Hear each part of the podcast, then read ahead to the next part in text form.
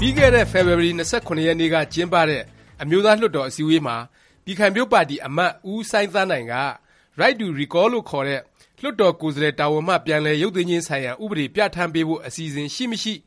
ဆိုတဲ့ မေးခွန်း မေးခဲ့ပါတယ်။မေးခွန်းကို ဖြေရတဲ့ ရွေးကောက်ပွဲ ကော်မရှင်ဘက်ကတော့ ဒါကို ပြဌာန်းဖို့ စီစဉ်နေပါတယ် ဆိုတာလောက် ပြောပြီး တိကျတဲ့ အဖြေ ပေးမသွားပါဘူး။ အခုဆိုရင် ၂၀၀၈ ဖွဲ့စည်းပုံ အခြေခံ ဥပဒေအရ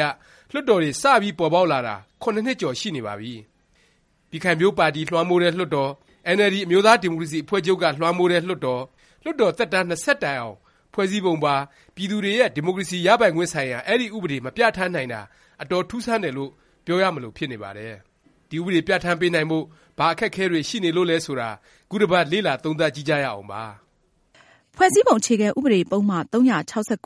နဲ့မှာ အခုလို ပြဌာန်းထားပါတယ်။“နိုင်ငံသားတိုင်းသည် ဤဖွဲ့စည်းပုံအခြေခံဥပဒေနှင့်ဖြစ်စေ၊သက်ဆိုင်ရာ ဥပဒေများနှင့်ဖြစ်စေ မဆန့်ကျင်လျှင် ပြည်သူ့လွှတ်တော်၊အမျိုးသားလွှတ်တော်၊တိုင်းဒေသကြီးလွှတ်တော် သို့မဟုတ် ပြည်နယ်လွှတ်တော် တစ်ရပ်ရပ်တွင် ရွေးကောက်တင်မြှောက်ခွင့်နှင့် ရွေးကောက်တင်မြှောက်ခံပိုင်ခွင့်ရှိသည်။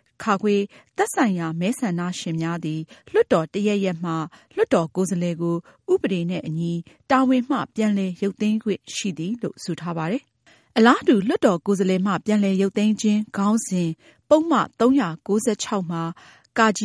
လွှတ်တော်ကိုယ်စားလှယ်တစ်ဦးကို အောက်ပါအကြောင်းအရာတစ်ရပ်ရပ်ကြောင့်တာဝန်မှပြန်လည်ရုပ်သိမ်းခွင့်ရှိသည်။၁။ နိုင်ငံတော်ဇ။်ကျေးဇူးသစ္စာကို ဖေါက်ဖျက်ခြင်း၊၂.ဖွဲ့စည်းပုံအခြေခံဥပဒေပါ ပြဌာန်းချက်တစ်ရပ်ရပ်ကို ဖေါက်ဖျက်ကျူးလွန်ခြင်း၊၃.အကျင့်သိက္ခာပျက်ပြားခြင်း၊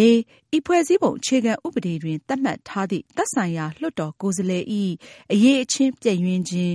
၊၅.ဥပဒေအရပေးအပ်ထားသောတာဝန်ကိုကျေပွန်စွာမဆောင်ရွက်ခြင်း၊ သက်ဆိုင်ရာမဲဆန္ဒနယ်ဇ။်မူလမဲဆန္ဒရှင်များအနက်အနည်းဆုံး၁ရာခိုင်နှုန်းတို့ကတာဝန်မှပြန်လည်ရုပ်သိမ်းလိုသောလွှတ်တော်ကိုယ်စားလှယ်နှင့်ပတ်သက်သည့်တိုင်တန်းချက်ကိုပြည်ထောင်စုရွေးကောက်ပွဲကော်မရှင်ထံတင်ပြရမည်။ပြည်ထောင်စုရွေးကောက်ပွဲကော်မရှင်ကဥပဒေနဲ့အညီစုံစမ်းစစ်ဆေးရမည်။စွပ်စွဲချက်ကိုစုံစမ်းစစ်ဆေးသည့်အခါသက်ဆိုင်ရာလွှတ်တော်ကိုယ်စားလှယ်ကိုယ်တိုင်သော်၎င်း၊ ကိုယ်စားလှယ်ဖြင့်သော်၎င်းချေပခွင့်ပေးရမည်။ပြည်ထောင်စုရွေးကောက်ပွဲကော်မရှင်ကထိုစွပ်စွဲချက်သည်မှန်ကန်ပြီးစွပ်စွဲခံရသူသည်လွှတ်တော်ကိုယ်စားလှယ်အဖြစ်ဆက်လက်ထမ်းရွက်စေရန်မသင့်ကြောင်းသဘောရှိလျင်ပြည်ထောင်စုရွေးကောက်ပွဲကော်မရှင်သည်ဥပဒေနှင့်အညီဆောင်ရွက်ရမည်။ပုဒ်မ၃၉၇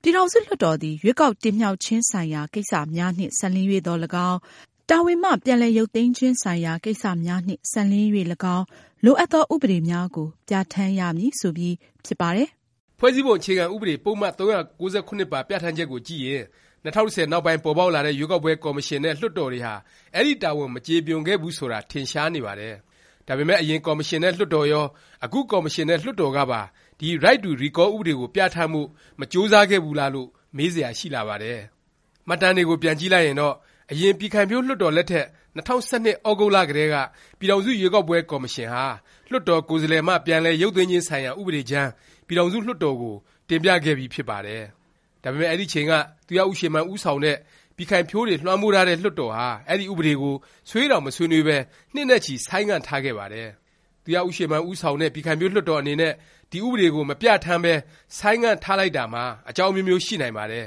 ။ဖြစ်နိုင်တဲ့ အကြောင်းတစ်ခုကတော့ အဲဒီအချိန် ဒေါ်အောင်ဆန်းစုကြည် ဦးဆောင်တဲ့ အင်န်အယ်လ်ဒီ ပါတီ ကြားဖြတ်ရွေးကောက်ပွဲဝင်၊သောင်ပြိုကမ်းပြို အနိုင်ရတာကို မြင်ရလို့လည်း ဖြစ်နိုင်ပါတယ်။ပြောရရင် ၂၀၁၀ ရွေးကောက်ပွဲဆိုတာ လွတ်လပ်မှုလည်းမရှိ၊တရားမျှတမှုလည်းမရှိ၊အင်န်အယ်လ်ဒီ လည်း ဝင်မပြိုင်တဲ့ ရွေးကောက်ပွဲပါ။၂၀၁၂ အင်န်အယ်လ်ဒီ ရွေးကောက်ပွဲ ဝင်ပြိုင်ခွင့်ရခဲ့ပြီမို့ အဲဒီ ဥပဒေသာ ပြဌာန်းပေးခဲ့ရင် မဲဆန္ဒနယ်အသီးသီးက ပြည်ခိုင်ဖြိုးအမတ်တွေကို ပြည်သူတွေက Right to Recall ဥပဒေ အသုံးပြုပြီး ဖြုတ်ချဖို့ ကြိုးစားကြမှာပါပဲ။ ဥပဒေရဲ့နောက်ဆုံးအဆင့်မှာ မဲဆန္ဒရှင်တွေ မဲပြန်ပေးကြရမှာမို့ အဲဒီအဆင့်သာရောက်လာရင် ပြည်ခိုင်ဖြိုးအမတ်တွေ ထောက်ခံမှုဆုံးရှုံးပြီး အမတ်အဖြစ်ကနေ ဖယ်ရှားခံကြရဖွယ်ရှိပါတယ်။ဒီစိုးရိမ်မှုကြောင့် သူရဦးရွှေမန်း ဦးဆောင်တဲ့ ပြည်ခိုင်ဖြိုးလွှတ်တော်ဟာ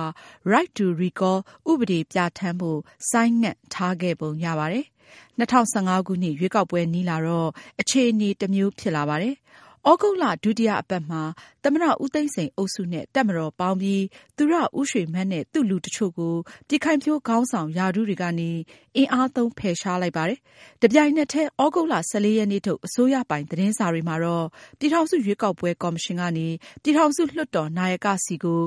လွှတ်တော်အမတ်တွေပြန်လည်ရုပ်သိမ်းခြင်းဆိုင်ရာ ဥပဒေပြဌာန်းပေးဖို့ လေးကြိမ်မြောက် အကြောင်းကြားစာပေးပို့ထားတဲ့သတင်း ဖော်ပြလာပါတယ်။ပြောရရင် တပ်မတော်နဲ့ အစိုးရဘက်ကနေ သူရဦးရွှေမန်းကို အမတ်တွေကို ပြန်လည်ရုပ်သိမ်းခြင်းဆိုင်ရာ ဥပဒေကို အသုံးပြုပြီး လွှတ်တော်အမတ်၊လွှတ်တော်နာယက၊ပြည်သူ့လွှတ်တော်ဥက္ကဌ တာဝန်တွေကနေ ဖယ်ရှားဖို့၊အဲဒီကနေ တဆင့် လွှတ်တော်အမတ် မဟုတ်တော့တဲ့သူရဦးရွှေမန်းကို တည်ဆဲဥပဒေတစ်ခုခုနဲ့ အရေးယူနိုင်ဖို့အထိကြိုးစားခဲ့ကြတာ တွေ့နိုင်ပါတယ်။ဒါပေမယ့် သူရဦးရွှေမန်းခေါင်းဆောင်တဲ့ လွှတ်တော်ဘက်ကတော့ Right to Recall ဥပဒေကို ဆွေးနွေးရုံဆွေးနွေး၊ထပ်မံဆိုင်းငံ့ပြီး ပြသနာကို ရှောင်ရှားနိုင်ခဲ့ပါတယ်။ဘယ်လိုပဲဖြစ်ဖြစ် လက်ရှိ လွှတ်တော်ကတော့ ဒီမိုကရေစီ စနစ်ကို အကောင်အထည် ဖော်မယ်လို့ ကြွေးကြော်ထားတဲ့ အင်န်အယ်လ်ဒီ လွှတ်တော် ဖြစ်နေတာကြောင့် ပြည်သူတွေရဲ့ အခြေခံ အခွင့်အရေးဖြစ်တဲ့ Right to Recall ဥပဒေ ပြဌာန်းပေးဖို့ လိုအပ်ပါတယ်။အင်န်အယ်လ်ဒီ ဘက်ကတော့ ဖွဲ့စည်းပုံမှာ ပြဌာန်းထားပြီးဖြစ်တဲ့ မဲဆန္ဒရှင် ၁ ရာခိုင်နှုန်းက အဆိုပြုလာရင် အဲဒီကိစ္စကို စပြီး ကိုင်တွယ်ရမယ့် ကိစ္စကြောင့် အခက်အခဲ ဖြစ်ကောင်း ဖြစ်နိုင်ပါတယ်